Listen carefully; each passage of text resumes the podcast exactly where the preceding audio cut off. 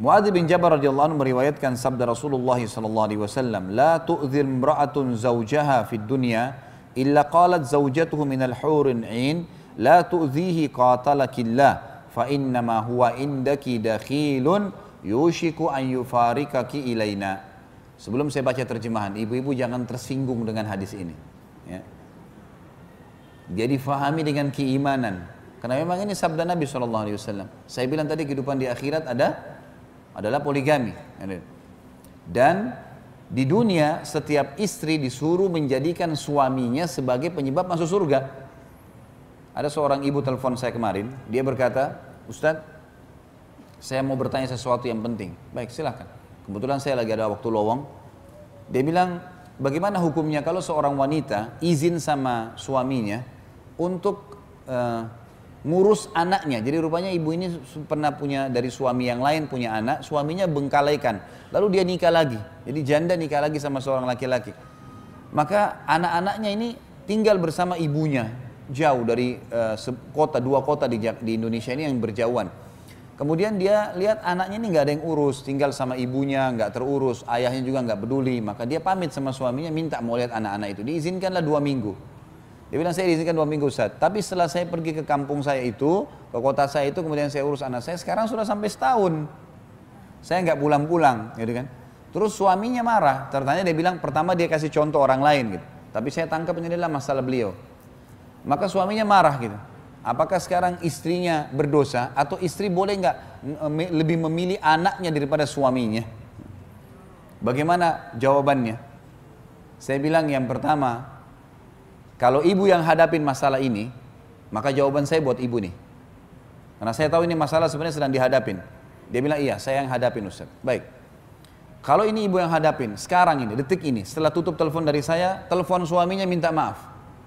Itu dulu pertama. Telepon, minta maaf, kenapa melanggar sampai setahun? Dua minggu, nggak bisa lebih daripada itu. Jangankan anaknya ibu, orang tuanya ibu, ayahnya ibu, ibunya ibu sendiri. Kalau suami izinkan dua minggu lalu mereka cuma masih menahan, suami bilang nggak bisa, tidak boleh secara syar'i. Ini hukum Allah bukan hukum manusia, nggak boleh dibantah. Allah telah jadikan suami ibu adalah di atas segala-galanya. Ibu renungin hadis Nabi SAW, awal amal yang dihisap bagi wanita pada hari kiamat adalah sholatnya dan hubungannya dengan suaminya. Ini luar biasa nih. Habis sholat, masalah sama suamimu bagaimana? Bukan masalah sama orang tuanya, bukan masalah sama anaknya. Artinya sholatnya lolos, urusan suaminya lolos, yang lainnya jadi mudah. Renungi hadis itu. Yang disuruh ibu tanggung jawab adalah suami. Anak itu nomor dua. Itu dulu. Kemudian hadis Nabi SAW, wanita mana pun yang meninggal dunia lalu suaminya ridha, kecuali akan masuk ke dalam delapan pintu surga yang mana pun dia inginkan. Sekarang apa susahnya ibu-ibu? Saya kadang-kadang bahasakan sampai istri saya juga. Apa susahnya menjadikan figur suami itu kemas dia baik-baik orang ini, layani, siapin makannya, minumnya, cari ridhonya, itu saja. Tunggu mati masuk surga dari delapan pintu surga, pilih yang mana ibu mau. Orang bapak ibu sekalian, bapak-bapak terutama renungin ya, kita sebagai laki-laki, untuk mendapatkan pintu delapan di surga itu, itu pintu delapan pintu tertinggi. Derajat tertingginya surga Firdaus namanya. Di sana empat golongan, para nabi-nabi. Ini bapak-bapak sama saya sudah tertutup peluang ini. Nggak ada lagi peluang jadi nabi, nggak mungkin. Para syuhada, syuhada itu bapak-bapak sekalian saya sama bapak harus tinggal di padan perang, tunggu musuh bunuh kita, itu pun kalau ikhlas. Orang-orang yang siddiq, jujur, tidak pernah dusta seumur hidup.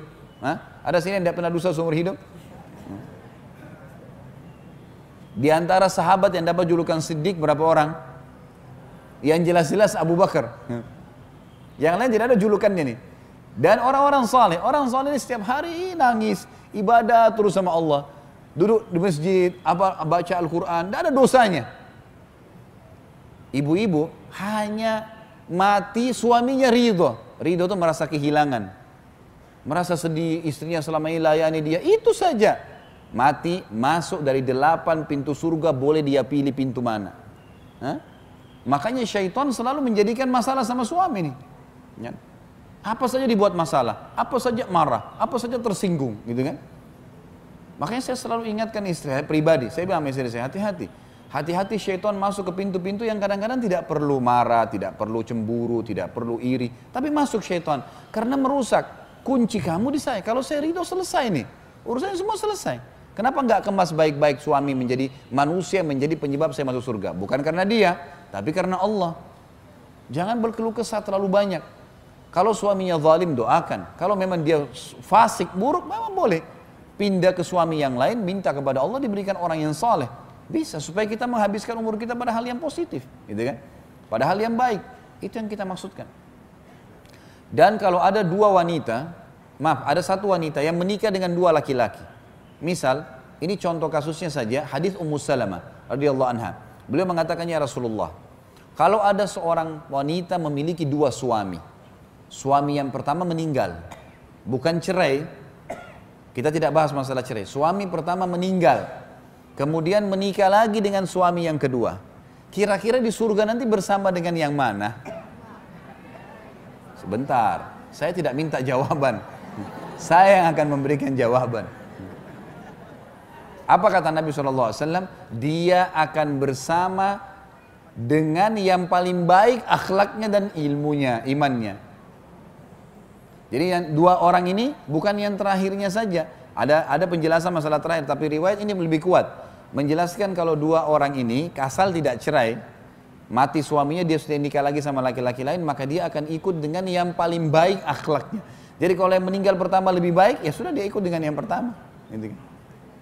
Jadi saking besarnya pengaruh suami itu, ya sampai nggak boleh keluar tanpa izinnya, kan? Kalau meninggal dengan dia ridho masuk surga, melayaninya. Apa kata Nabi SAW? Wanita mana pun yang menjaga lima waktu sholatnya, nggak disebutin sholat sunnah, Azan subuh, duhur, asar, maghrib, isya. Kalau ibu mengerjakan sunnah itu plus. Akan ada banyak tambahan. Lima waktu sholat, azan 10 menit. Puasa Ramadan, gak diikuti dengan puasa sunnahnya. Puasa sunnah berarti plus. Hanya Ramadan. Dan melayani dan mentaati suaminya pada hal yang ma'ruf. Bukan pelanggaran agama. Temani saya, ayo ke ibu yuk, ayo ke ayah yuk, ayo ke sini yuk. Iya, iya. Kecuali pada saat dia meninggal, dia pasti akan masuk surga dari delapan pintu surga dia bisa pilih mana dia mau masuk. Jadi fadilah yang sangat besar. Lalu untuk apa ibu-ibu membangkang nih? Untuk apa marah hanya karena lupa dibawain bunga kah, pesanan kah? Tidak sempat ditemanin ke acara perkawinan lah. Itu sesuatu yang kecil, urusan dunia. Bagaimana orang ini ridho, Tuhan saya ridho. Seperti kasus orang tua kita. Orang tua kita mau marah-marah, ya, mau dia orangnya buruk akhlaknya, kita sebagai anak harus bagaimana? Bakti. Nggak dibalas keburukan dengan keburukan. Kenapa? Karena Allah yang perintahkan. Jangan balas kebodohan dengan kebodohan. Keburukan, keterpurukan akhlak dengan keterpurukan ini salah. Itu kan? Orang tua kita bagaimana kita harus buat baik. Kenapa? Karena Allah yang memerintahkan dan Allah gantungkan pahala yang besar situ. Sama kasus rumah tangga.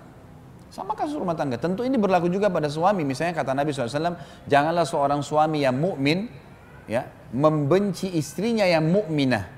Karena kalau dia tidak menyukai satu perilaku, dia masih bisa mendapatkan perilaku-perilaku yang lain yang baik. Artinya saling toleransi, saling memaafkan. Yang penting pelanggarannya bukan masalah nusyur, bukan masalah pembangkangan terhadap hukum Allah Subhanahu wa taala.